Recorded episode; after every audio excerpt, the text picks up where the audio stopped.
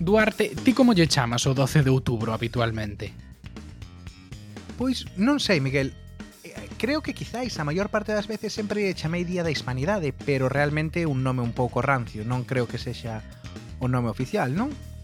Non é festa nacional ou así? Sí, o nome oficial é festa nacional. Antes na época de Franco creo que era o Día da Raza, pero claro, eso xa está un pouco de moda eh, agora creo que festa nacional. Eu sempre lle chamei Día do Pilar, porque na miña familia, a miña madriña é Pilar e sempre tivo así moita celebración, facíamos as comidas eh, por ese día e, e para min foi sempre o Pilar, nunca me gustou de Nacional de España. Pensei que ibas a dicir que en toda a tua familia eran guardias civis, que tamén é eh, a patroa da, no. da Garda Civil, pero bueno, alégrame no. saber que neste caso é pola túa tía Pilar e non pola Tenente Pilar ou polo que sexa. Bueno, eh, ao grao, eh, por que estamos falando eh, do 12 de outubro? Porque aínda que este programa vai sair o 13, estámoslo grabando o día 12. Eh, nós traballamos igual, porque, bueno, entre outras cousas, no Reino Unido hoxe non é non é festivo, Pero para nós esta data era particularmente importante porque foi o día no que se publicou a grande enquisa sobre a monarquía que fixeron un grupo de medios de medios do Estado, algúns galegos, no caso galego foron eh, Praza Pública e Luces, e tanto ti como a mí, Miguel, fomos eh, patróns, contribuímos a financiar esta enquisa, non é? Pois sí, pois sí. Bueno, eu esperaba uns resultados algo máis espectaculares, a verdade é que estaba todo bastante máis eh, bastante máis igualado do que pensaba, pero sorprendeume o dato para Galicia, porque sí que é certo que hai máis apoio á monarquía que no resto de España, pero tamén hai máis apoio á República e menos indecisos que no resto de España, o cal contradí toda esa idea de el gallego non se sabe se si sube ou se si baja, e todos eses estereotipos que tamén nos venden gadis e demais aquí, Pois mira, aquí temos as cousas máis claras. Para ben ou para mal, pero están as cousas máis claras. A ti que che parece? Eh, Sí, concordo contigo, tamén agardaba quizáis as uns resultados máis espectaculares e ao final é o aburrido de sempre. Son las dos Españas, dividido máis ou menos 50-50, pero o que diste de que de que os galegos ao final non somos tan indecisos e quizáis na meseta neste caso dubidan máis, pois tamén me chamou a atención. Pero bueno, en calquera caso, xa que falamos de referéndums e, e falamos de crises constitucionais, hoxe no Te con Gotas imos falar de Escocia. Dentro intro. Think about Brexit. What, what's that? Like, Put your flags away, you're leaving, and take them with you if you are leaving now. with the light, with the music. Very welcome everybody here. You're joking. There's too much politics going on at the moment. Hi, folks. I've developed mild symptoms of the coronavirus. The nose to the left, 432. Would you like a cup of tea? Yeah, Go sure. on, have a cup of tea. Thank you, thank you.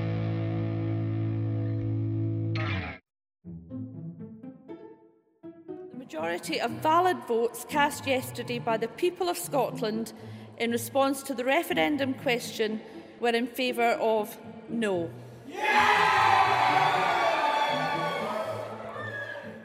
A historia recente de Escocia está marcada por dous referendos. O primeiro, o de 2014, foi sobre a independencia do Reino Unido e nel o independentismo perdeu, como acabamos de escoitar neste audio. O segundo, de 2016, Escocia votou a favor de permanecer na Unión Europea, pero de pouco lle valería porque o resto do país, e especialmente Gales e Inglaterra, votaron a favor de embarcarse nun proceso de Brexit que aínda está inconcluso. Por iso hoxe imos falar de en que situación situación se atopa Escocia a tres meses xa da saída definitiva do Reino Unido do paraugas legal da Unión Europea e cun escenario incerto marcado por unhas eleccións ao Parlamento Escocés en maio nas que previsiblemente o Partido Nacionalista Escocés levará a proposta de convocar un segundo referendo de independencia. Pero para entender mellor o futuro do arte, imos tratar de entender que pasou en 2014. Ti xa estabas aquí daquela,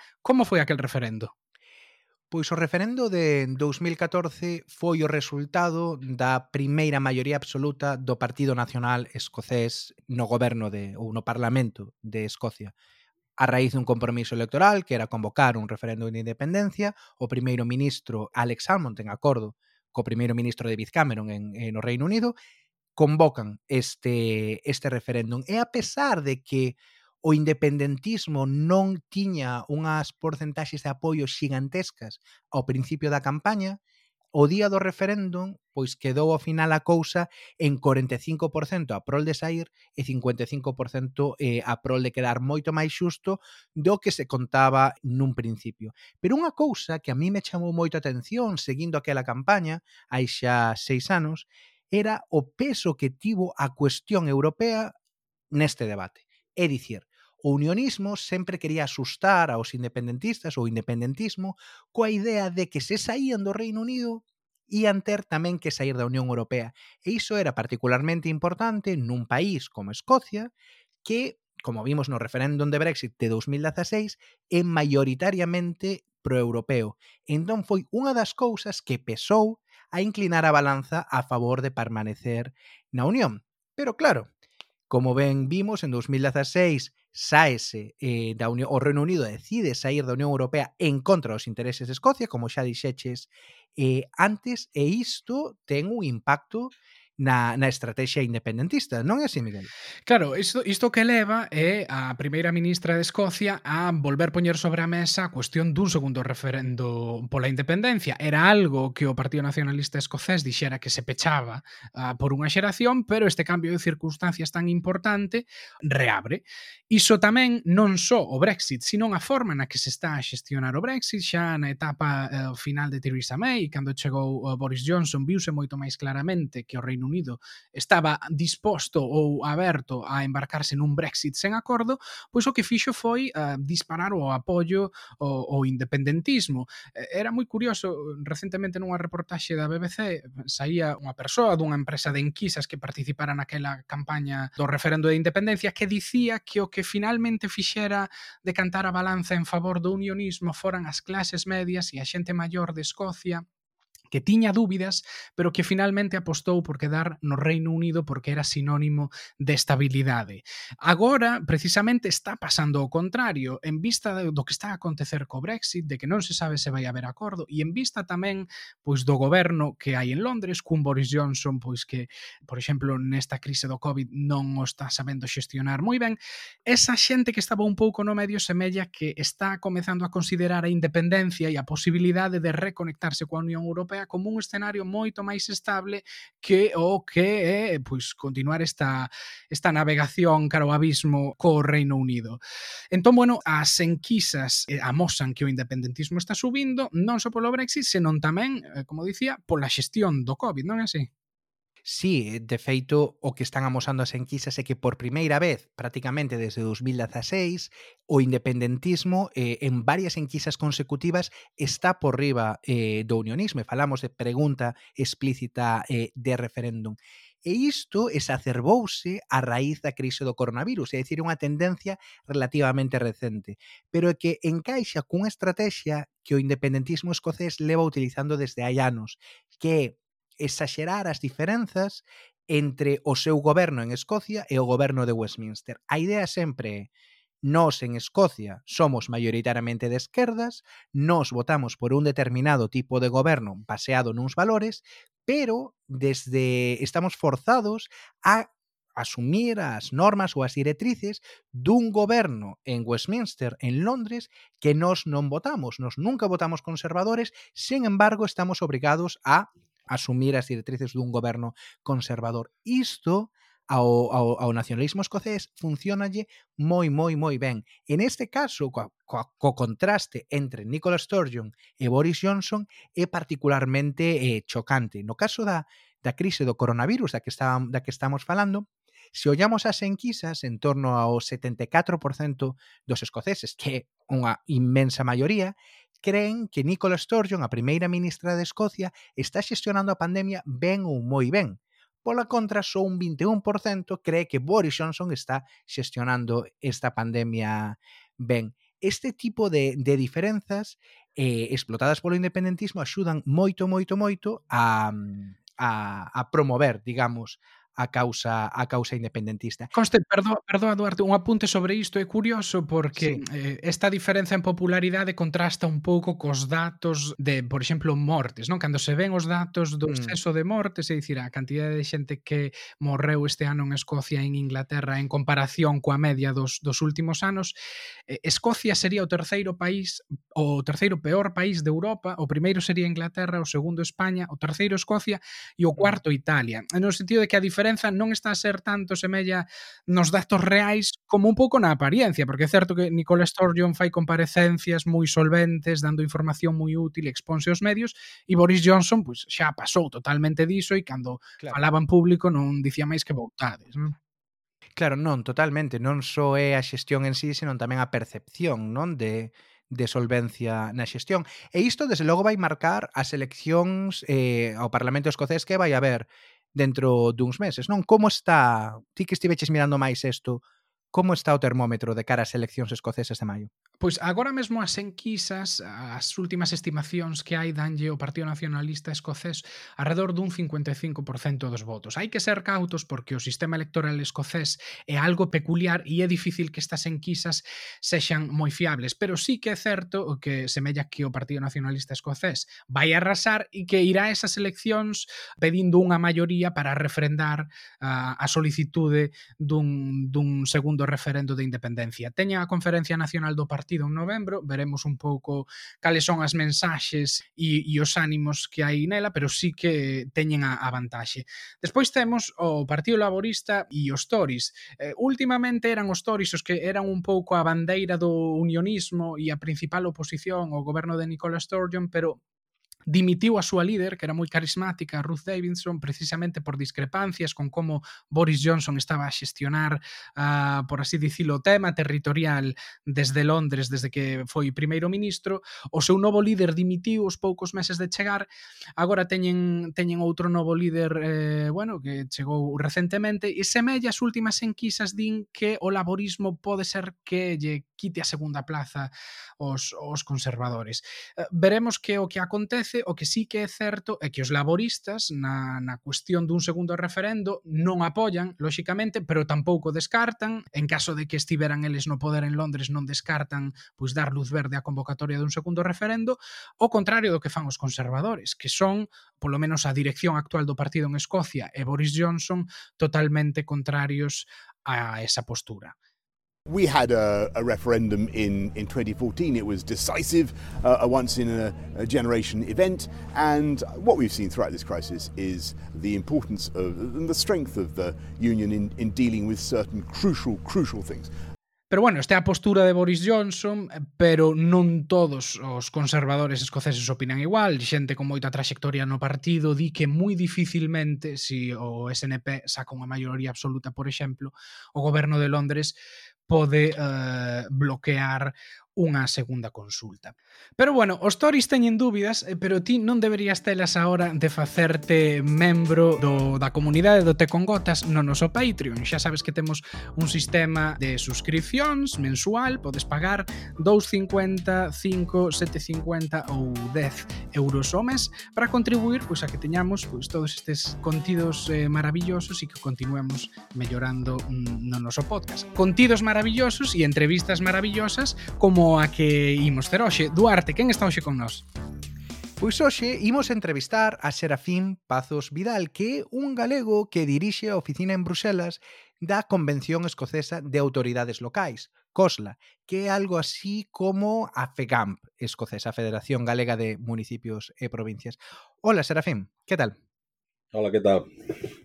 Eh, antes de nada, unha preguntiña. Ahora mismo estás traballando na oficina eh, de Bruxelas da, da Cosla. Que vai pasar coa oficina a partir do, do 1 de xaneiro, cando, en teoría, o Reino Unido xa non funcione baixo as normas da, da Unión Europea? Pois, pues, home, é unha pregunta interesante. Eh, está ben que a oficina sea a primeira que faz. Bueno, antes de nada, eh, agradecervos a invitación. Eh, esta é unha iniciativa moi moi moi boa que teño dito moitas veces que se tiña que haber máis podcast como estes eh, en Galicia e non desde o estranxeiro, pero bueno, na medida que poida, pois encantado de, de, de contribuir. A oficina, a oficina eh, a, a oficina de, de Bruselas de, de, de Cosla eh, poderá seguir eh, no futuro na medida en que mm, haxa unha relación intensa ou extensa con a Unión Europea e outros organismos internacionais. En principio, neste momento, eh, pois non se non é non se non se sabe, en todo caso, se houbera cambios sería non sería inmediato, sería, bueno, porque hai certas outras outros asuntos que que tratar, aparte uh, o Comité de Rexións, por exemplo, acaba de crear un comité conxunto co Reino Unido para manter unha relación política a longo plazo. E non, non independentemente do, da discusión que está, sabe está, está habendo neste momento sobre a relación futura entre o Reino Unido e, e a Unión Europea. En todo caso, eh, eh, en todo caso, a, o traballo, por decir un pouco un pouco contexto, eu son responsable da, de, da unidade europea de, de COSLA, o que quere decir que eh, dedicome tamén a, a, ao traballo doméstico, boa parte do meu traballo é a recepción no, no dereito na política doméstica, na política de, do dereito europeo e de acordos internacionais como, que sei, os objetivos de desenvolvemento sostible. Entón, independentemente de que a oficina estea en Bruselas ou non, como ten sido no pasado por cuestións de orden práctico, eh, pois eu creo que a Escocia vai seguir sendo vai, os organismos escoceses como o meu, que é un organismo público que ten eh, moito tempo, ten casi seis séculos, é unha destas cousas que sempre digo a xente para que se sorprenda, pero a miña organización ten seis séculos de existencia eh, pois seguirá tendo unha, unha oficina internacional, ben sexa aquí, ou ben sexa en Escocia, ou en Estrasburgo, Xinebra, onde sea. Claro, porque entendo que neste caso COSLA é a representación ou a voz, digamos, dos concellos escoceses diante de todas as administracións, non? Xa sexa o goberno escocés, o goberno de Westminster ou como neste caso institucións eh, institucións internacionais. Sí, sí, sí. Pero, que te interrompa, chamame moita atención o de que digas que é unha organización que ten eh, seis séculos, non? Está este lema, eh, este refrán galego que di que antes tiña Galicia reis que Castela leis, e isto xa podemos dicir antes tiña Escocia coordinador, coordinadoras da, de autoridades locais que, non sei, Inglaterra reis ou como... Ah, e de feito é que é anterior ao propio a Convención de Burgos Reais de Escocia, que é unha, unha organización que existiu durante seis séculos, eh, cambiou un cambio constitucional no ano 72, pero hasta o ano 72 era exactamente a mesma organización, eh, existe desde antes incluso que houbera un Parlamento escocés. Eh, e durante os 300 anos que non hubo Parlamento en Escocia, digamos que o Parlamento político, a Asamblea Política de Escocia, era a Convención de Burgos Reais de Escocia, eh, que era que un pouco articulaba a voz política eh, en Escocia, porque unha cousa que é interesante mm, entender no caso do Reino Unido é que nunca se unificou do mesmo xeito que se unificou o Estado español. Digamos que como, en certa medida, como o Estado español antes de, da política francesa xacobina do século XIX. Entón, por tanto, a, a administración local sempre foi escocesa, nunca nunca houbo, e iso é un pouco importante que é o que está cambiando precisamente co Brexit, nunca houbo a certos aspectos da política, do dereito, bueno, do dereito a toda a xurisdicción, eh, o sistema legal, o sistema educativo, o sistema penal, eh, o sistema de goberno local, sempre foi gobernado en Escocia, desde Escocia, aínda que o goberno durante 300 anos estuve en Londres. Está, está ben saber que isto do municipalismo ten así orixes tan tan no pasado na historia e non é algo tan tan recente. Eh, pero falabas do Brexit e do impacto que vai ter en Escocia. É unha pregunta un pouco ampla, pero a grosso modo como vai afectar o Brexit aos concellos escoceses? Van ver van ter máis problemas de financiamento, por exemplo, cale un pouco a perspectiva. Eh, Vos xa que falastes no, en algún podcast anterior da lei de, creo lembrar, da lei de mercado interior, uh -huh. Internal Market Bill, que está neste momento tramitándose na, no Parlamento de Westminster a unha velocidade excepcional. Eh, esta lei, eh, para aqueles que, que, sabe, que sabe un pouco do contexto español e galego, eh, non é moi diferente a la OAPA do, do ano 82, que quería reducir as competencias autonómicas, ou a Lei de Unidade de Mercado eh, dai 10 ou 12 anos que quería tamén reducir eh, pois, a diversidade legislativa ou reglamentaria dentro do Estado español. A diferencia que pasa é que, eh, como decía, o sistema eh, eh, político británico é unitario, é dicir, existe un parlamento que é soberano, de feito o povo non é soberano, é o parlamento que o cal é soberano, eh, o, o povo simplemente elixe o parlamento, pero o parlamento que é soberano, e non hai unha constitución, a constitución faina eh, polas leis e polas prácticas do, do parlamento, Eh, esto é diferente ao caso español a medida en que o sistema español é un sistema unitario no que todo está compartido. Realmente a última palabra moitas veces sempre ten o, o sistema o goberno español ou o, o Congreso español por mediante lei de bases. No caso de Escocia en concreto, iso nunca foi así. A, a, a autonomía escocesa eh, creouse no ano 99 e hai unha, toda unha serie de, de áreas de, da sanidade, da educación, goberno local, a enerxía, a ordenación do territorio que son áreas completamente autónomas de Escocia. É dicir, aí, incluso, inda que tuvera unha, unha quixera o goberno eh, inglés, o goberno británico, perdón, uh, intervir non pode porque legalmente non pode intervir en áreas de eh, que foron transferidas ou que sempre estuveron eh, xestionadas directamente desde Escocia. A única diferencia moitas veces é que en vez de ser un ministro Escoce, un ministro do Reino, o Reino Unido para Escocia, agora esas competencias levas un goberno escocés eh, cun parlamento escocés que é o que está cambiando co Brexit, que afecta non só ao sistema de autonómico, a devolution escocesa, senón tamén o, a administración local. Eh, pois precisamente eh, desde a chegada do goberno de Theresa May, eh, pois se decidiu que eh, en vista pois a diverxente traxectoria de Escocia eh, con respecto a Inglaterra dos última, da última década, o do referendo de 2014, de, de independencia, e depois o, o diferente resultado nas, amplamente a favor de, establecer, de, de permanecer na Unión Europea do referéndum da Unión Europea de 2016, estimouse que as diverxencias estaban sendo, eh, ou estimase desde o goberno actual de, de Boris Johnson e do goberno de Theresa May anterior, que as diverxencias no sistema político estaban sendo demasiado grandes e que ameazaba pois a supervivencia do Reino Unido. Entonces, eh, a, a esta lei eh, do mercado interior que está feita ao calor do Brexit para adaptarse a nova situación, en realidad é unha reforma constitucional de toda regla, na medida en que é como, e así yo teño explicado aos meus compañeros en Escocia, é como se de repente eh, a autonomía escocesa, que é moi ampla, se convirta en unha autonomía como a galega, que é ampla, pero eh, no fondo, a última palabra sempre está en Madrid. Neste caso, tanto o Fondo Política Económica como axudas do Estado, como, como as propias competencias, con, se esta lei vai adiante e se aplica da forma máis extrema posible, pois significaría que eh, moitos poderes, moitas competencias que estaban xestionadas en Escocia,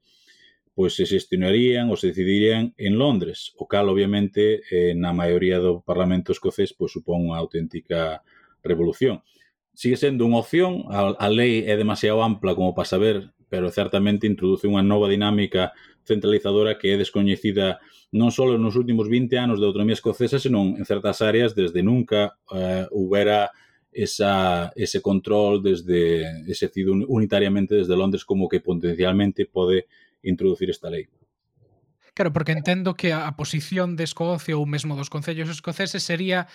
eh, que esas competencias que veñen de Europa eh, agora pasaran a mans do goberno escocés, da autonomía escocesa, en lugar do goberno de Westminster, non? Sí, a, a, en teoría hubo un acordo que pois, estuvo legalizado na, na, nunha das varias eh, leis do Brexit que se acordaron, neste caso a lei do 2018,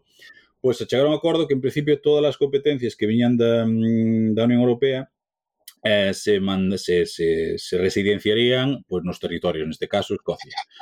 Um,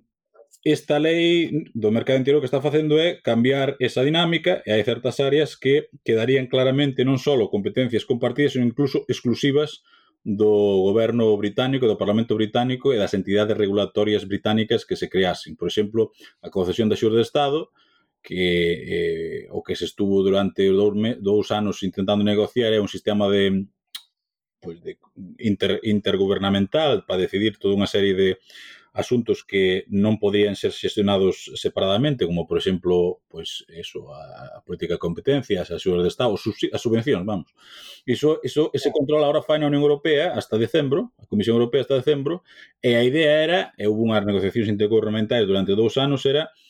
eh, que se crearan pois mecanismos de cooperación eh, intergubernamental eh, e incluso organismos intergubernamentais para xestionar ese tipo de, de asuntos que procedan proceden da Unión Europea pero que mm, requerirían pois unha, unha, unha, un enfoque eh, pan Reino Unido, non? Eh, isto eh, non está dando resultados eh, previstos segundo o goberno británico e por iso polo que introduciron esta, esta legislación que eles din que no caso de que non haxe un acordo entre gobernos para toda esta serie de, de asuntos eh, pois, pois aplicarían a lei directamente desde Londres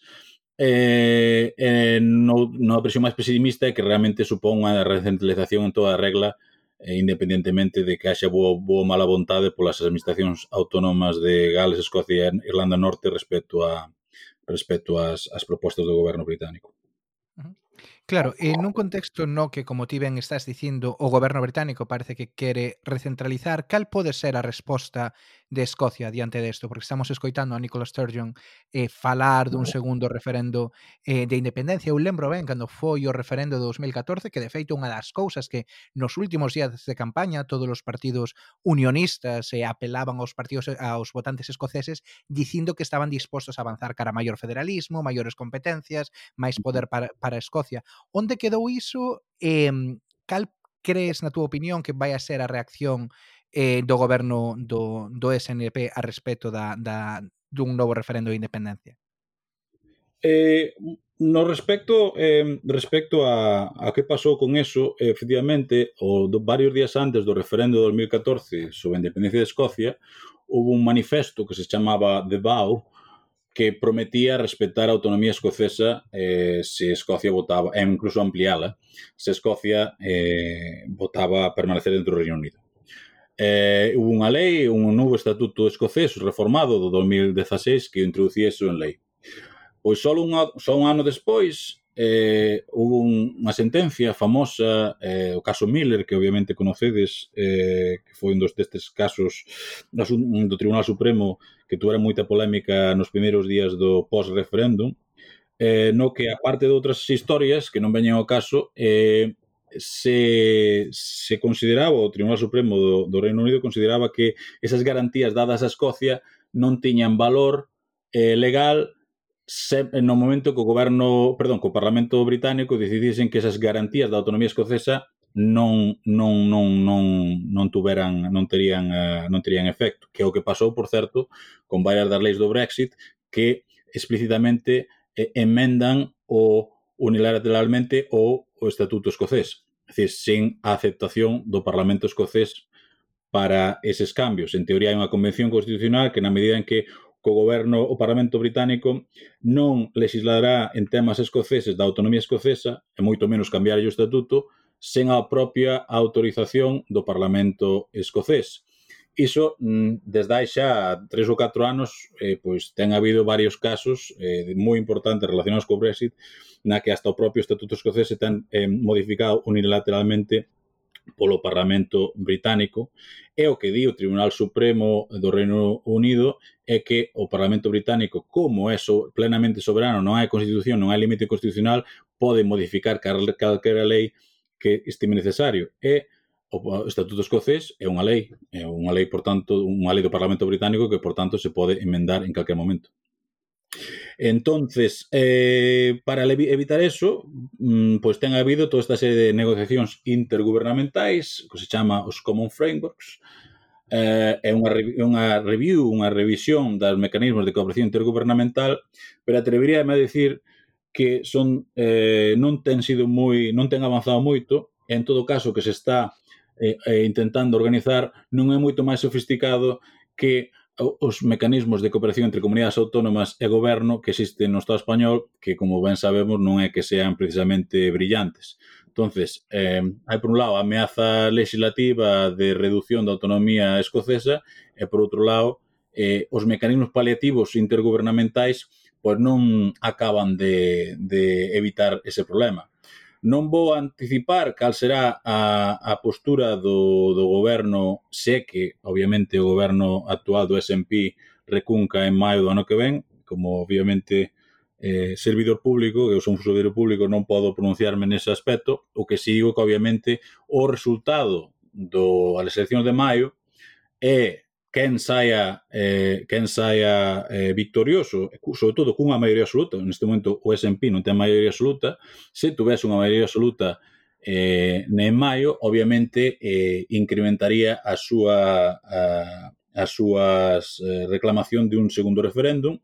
e digo simplemente eso porque xa foi o que pasou eh, na vez anterior, nas eleccións anteriores a 2014, eh, o S&P eh, conseguiu maioría absoluta, esa foi a base pola que políticamente pediu, puido pedir ao primeiro ministro do seu, de entón, eh, David Cameron, eh, no chamado Acordo de Edimburgo, eh, que eh, eh permitise celebrar un referéndum. Non parece neste momento que o primeiro ministro británico estea disposto a aceptar que haxe un segundo referéndum aínda se houvese unha eh, unha maioría absoluta neste caso do S&P, pero eh, obviamente iso eh, estamos xa moi no futuro, probablemente as, as eleccións de maio serán serán vitais para o futuro de Escocia e o Reino Unido. Crees entón que o SNP vai agardar as eleccións de maio ah, a, a hora de facer unha solicitude formal de referendo porque, bueno, a, teñen a convención nacional do partido en novembro, estáse falando de que Nicola Sturgeon podería ser unha das a, dos anuncios que fixese en vista de todo o que está a acontecer coa centralización eh, competencial desde Londres. Crees que van a agardar entón a, a esas eleccións de maio a ver o que acontece aí?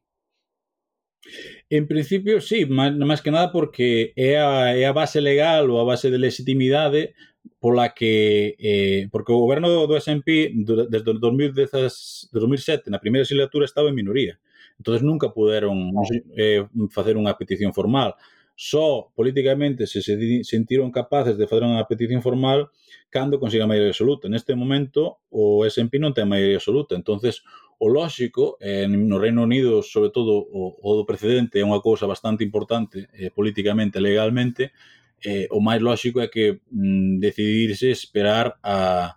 a, a ter unha maioría absoluta no mes de maio de 2021, pero vamos, non podo anticipar máis, non teño bola de cristal, nin, nin, nin quero especular sobre dinámicas de partidos políticos concretos.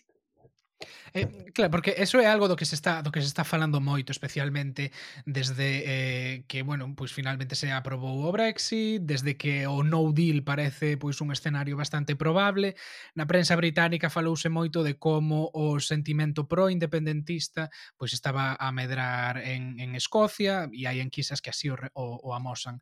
a túa percepción, que estás en contacto cos concellos e co mundo político escocés, mm, ves posible desta volta unha victoria do independentismo en caso de que finalmente eh, se chegue a aprobar unha consulta?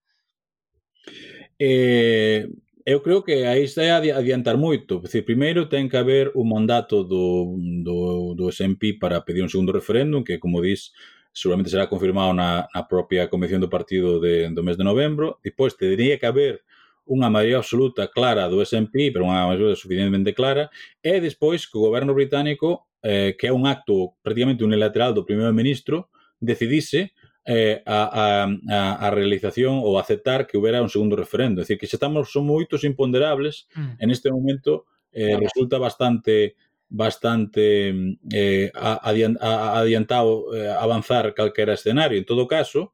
eh, como sabes, eh, existe dentro, eu pues, teño obviamente contacto co mundo político escocés, existe un certo debate se sobre unha vía catalana, é dicir, unha vía de un referendo que non tuve legitimidade sería aceptable. En todo caso, a, creo que está que dixo bastante veces a primeira ministra principal escocesa, non é a, a, a vía que les privilexian, o que querían é un segundo referéndum legal, usando a mesma base legal da do referéndum do 2014. Eh, entonces xa a especular máis a eso é un pouco un pouco un pouco difícil neste momento, non creo que nin sequera eh, o propio goberno, o propio partido que está hoxe na maioría este, este ainda, ainda, ainda nese escenario.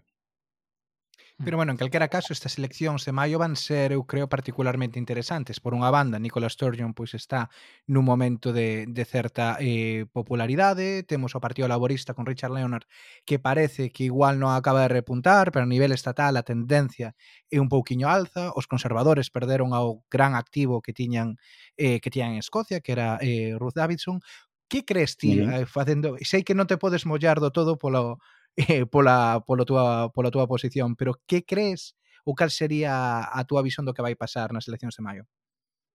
Eh, obviamente, eu, eu creo que, mm, decir, por fazer unha aposta, eu creo que o escenario, de, decir, a relación de forzas eh, non cambiará fundamentalmente, simplemente que, claro, eh, o cambio, está como funciona o sistema electoral eh, escocés, que é un sistema con dous votos, un por territorio, un por partido e outro por, por circunscripción, eh, ou mellor dito, un regional e un local, pero basicamente funciona como un voto ao partido e un voto á persoa, eh, son dous votos diferentes, eh, introduce moitas carambolas. Entonces, por exemplo, mm, partidos independentistas eh, ou pro-independentistas ah, son os verdes e o SNP eh, e os outros tres partidos, laborista, conservador eh, e liberal, máis ben, conservador, laborista e liberal, por, por decir no orden de importancia, eh, eh, non, non, no, pues non están a favor. entonces como a relación de forzas eh, eh, entre os diferentes os, os partidos que forman cada bloque non é proporcional, o, a propia estrutura do voto pode facer resultados como moi eh, sorprendentes, como nunha ocasión, creo lembrar, que subiu a S&P, pero sin embargo perdeu perdeu uh, perdeu perdeu os canos. Entonces, eu creo que a, a pois como en tantas eh, como tantas eh, divisións fundamentais que ten pasado como o tema do Brexit, a xente en teoría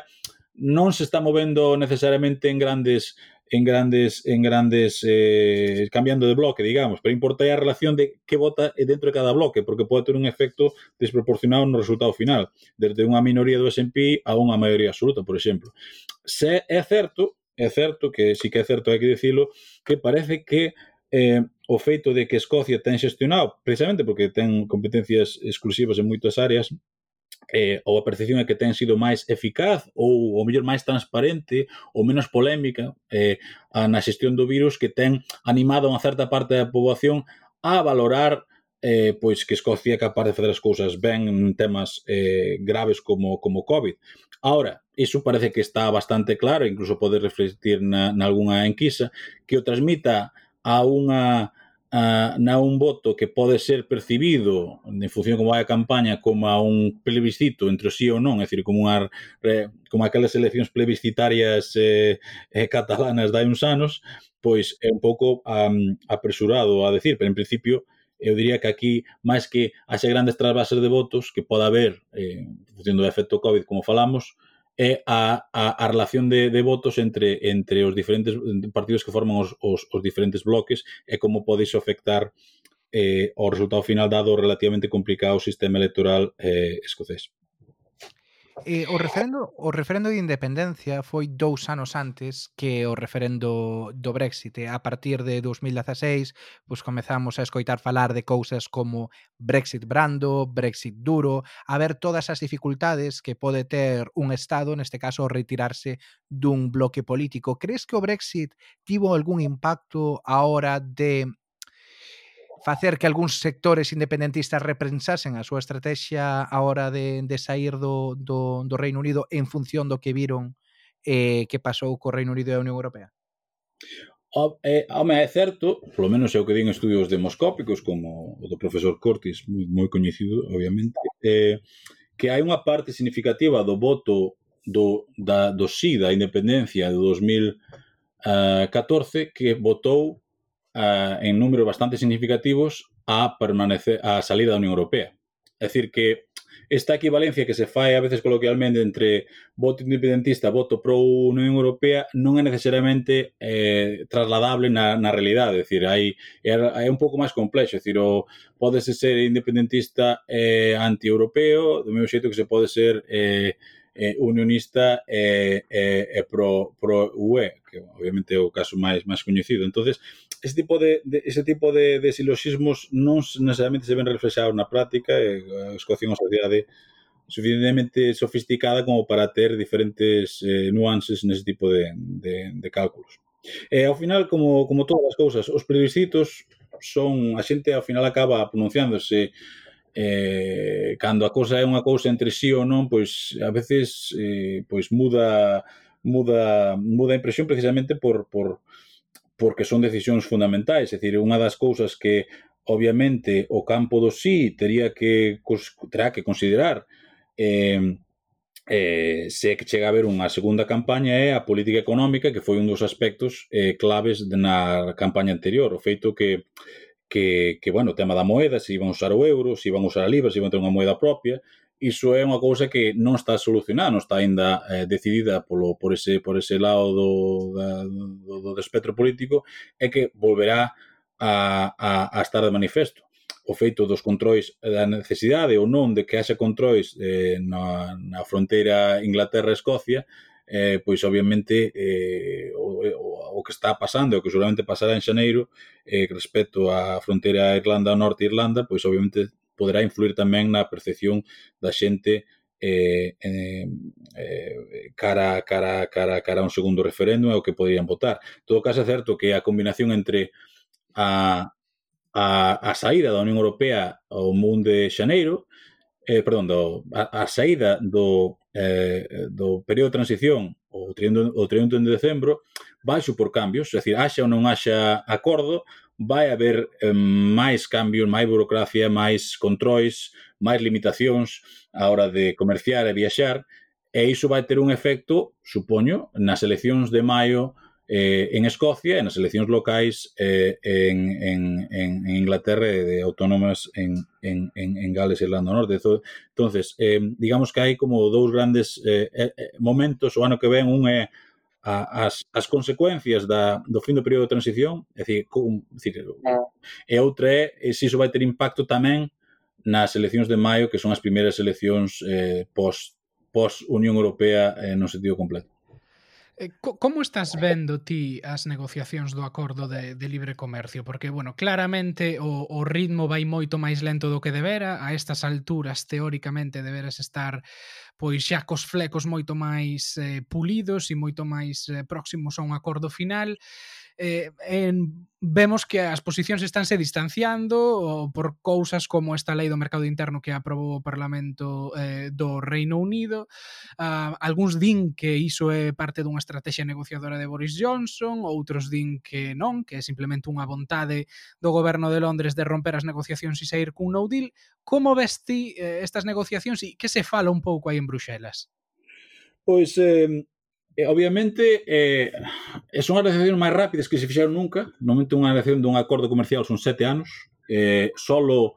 eh, revisar os textos legais antes de que sexan aprobados polos parlamentos de, de cada lado leva como seis meses, entre seis meses e dous anos. entonces facer todo isto en, en, en realmente en, en un ano eh, pois é, é increíble. entonces en certa medida non é sorprendente que eh, que, que, que, que, que isto vaya tan, tan lento, porque o normal é que tuvera que fora aínda máis lento do que vai. Cal é o problema? Que hai un prazo legal que é uh, escollido polo Reino Unido, ratificado no mes de xuño deste mesmo ano que o período de transición remataría de todas formas a, a 31 de decembro deste ano. Entón, iso supón eh, facer o acordo, acordar os principios, a, a redactar o acordo revisalo por os turistas lingüistas, traducilo a todos os idiomas da Unión Europea, ratificalo polo Parlamento, ratificalo polo Parlamento Británico e potencialmente tamén polos 27 27 eh, parlamentos estatais e algún regional, como no caso de, de Bélxica, no espazo de dous meses eh, se que hai un acordo final deste mes. Resulta completamente increíble que, que se poida facer todo iso. Eh, en todo caso, eh, se hai un acordo, e pode haber un acordo, porque obviamente tamén hai estrategias negociadoras de, por dous lados de facerse máis intransigentes do posible, no caso británico, pues, posiblemente na a xur de Estado están dramatizando demasiado a cuestión, e no caso europeo da Unión Europea o caso da pesca, que basicamente o que queren é que o Reino Unido, a pesar de ser da Unión Europea, siga sendo parte da política agrícola eh, da política de pesca,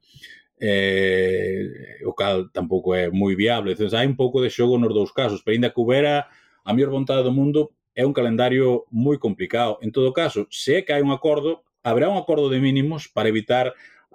as disrupcións máis grandes en, no transporte de mercancías, na, na mobilidade, pero habrá moitos outros flecos que serán suxeitos a acordos eh, nos anos venideiros, o cal supón que en certas áreas que o mellor no futuro o Reino Unido e a Unión Europea volverán a coordinarse, a ter un acordo conxunto, eh, pois habrá un vacío legal durante durante varios anos. Eh, partes do acordo poderán ser, como digo, aprobadas polo Parlamento Británico, o cal non é moi problemático, eles son capaces, se, potencialmente poden ratificar un acordo en 24 horas se fora necesario, na Unión Parlamento Europeo, na Parlamento Europeo pois, tamén relativamente rápido. Se o acordo for suficientemente sofisticado, pois, como digo, precisaría a ratificación dos parlamentos estatais, pero pola precedente legal do acordo con Xapón entre a Unión Europea e Xapón, posiblemente sería posible de que partes deste acordo se aprobaran provisionalmente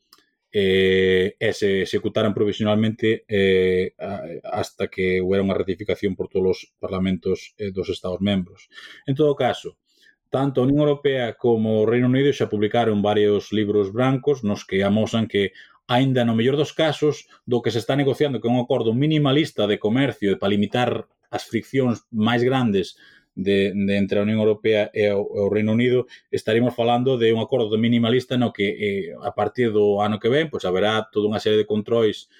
eh, unha serie de, de, de, de, de, de, de trabas, incluso incremento de, de prezos no ligados ao comercio que, que van pasar de todas todas. Eh, Entonces, bueno, mm, eh, eh, o beneficio dunha caixa un acordo é un beneficio importante, pero non é tanto como a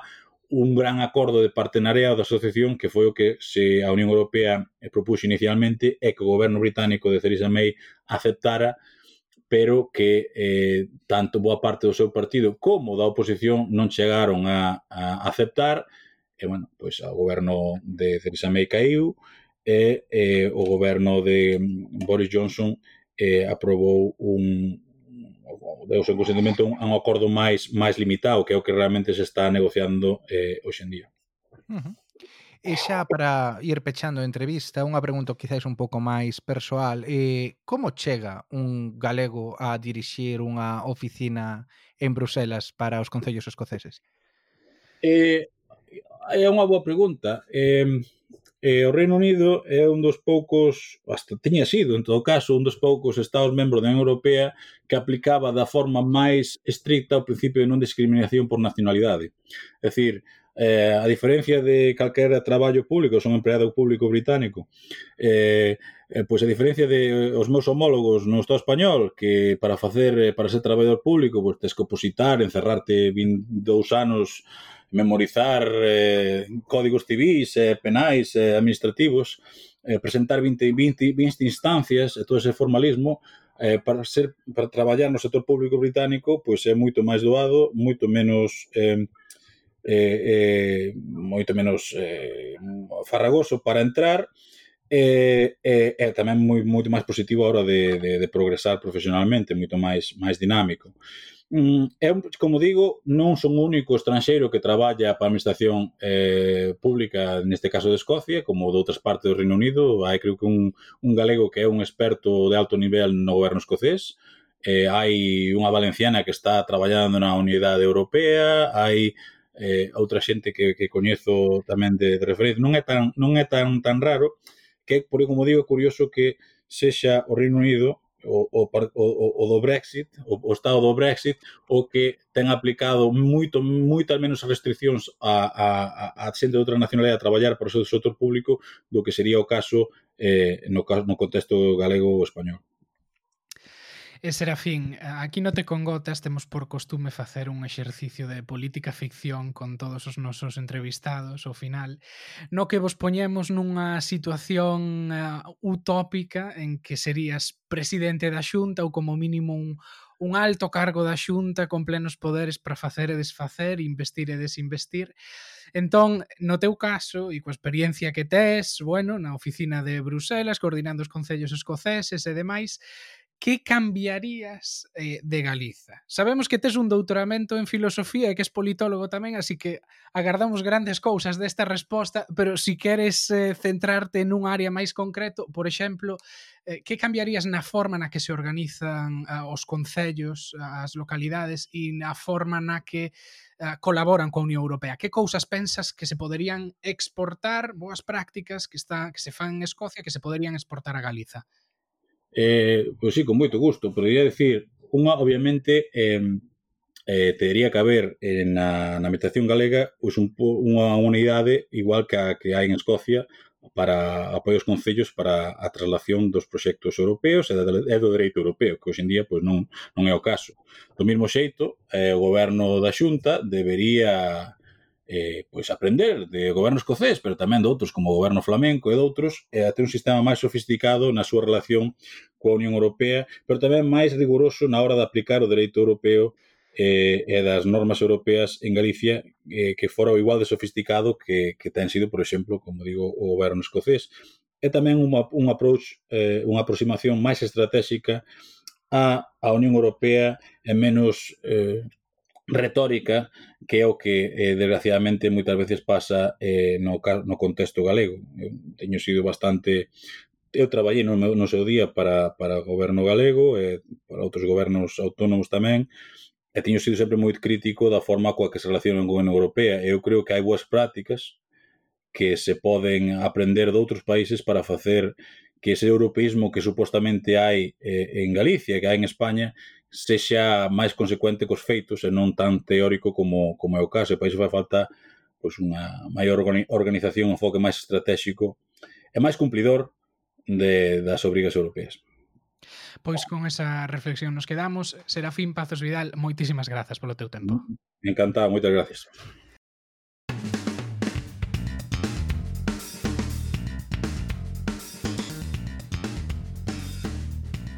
Pois ate aquí o podcast desta semana. Agardamos que vos tivese gustado e, como sempre, se queredes apoiarnos, ide ao noso Patreon, patreon.com barra tecongotas, e suscribidevos en calquera das modalidades posibles. E lembrade que tamén nos podedes seguir en redes sociais, en Instagram, en Facebook, en Twitter. Estamos empezando a facer agora uns explainers distintos en Instagram, así que se si vos gustan, por favor, deixádenos algún comentario pois ou algún feedback positivo ou negativo. E, como sempre, tamén podedes suscribir suscribirvos ao noso newsletter, mandarnos un correo, que nos estaremos sempre encantados de, de escoitar calquera cousa que teñades que dicir. Se non, eh, escoitámonos en dúas semanas. Hasta loquiño.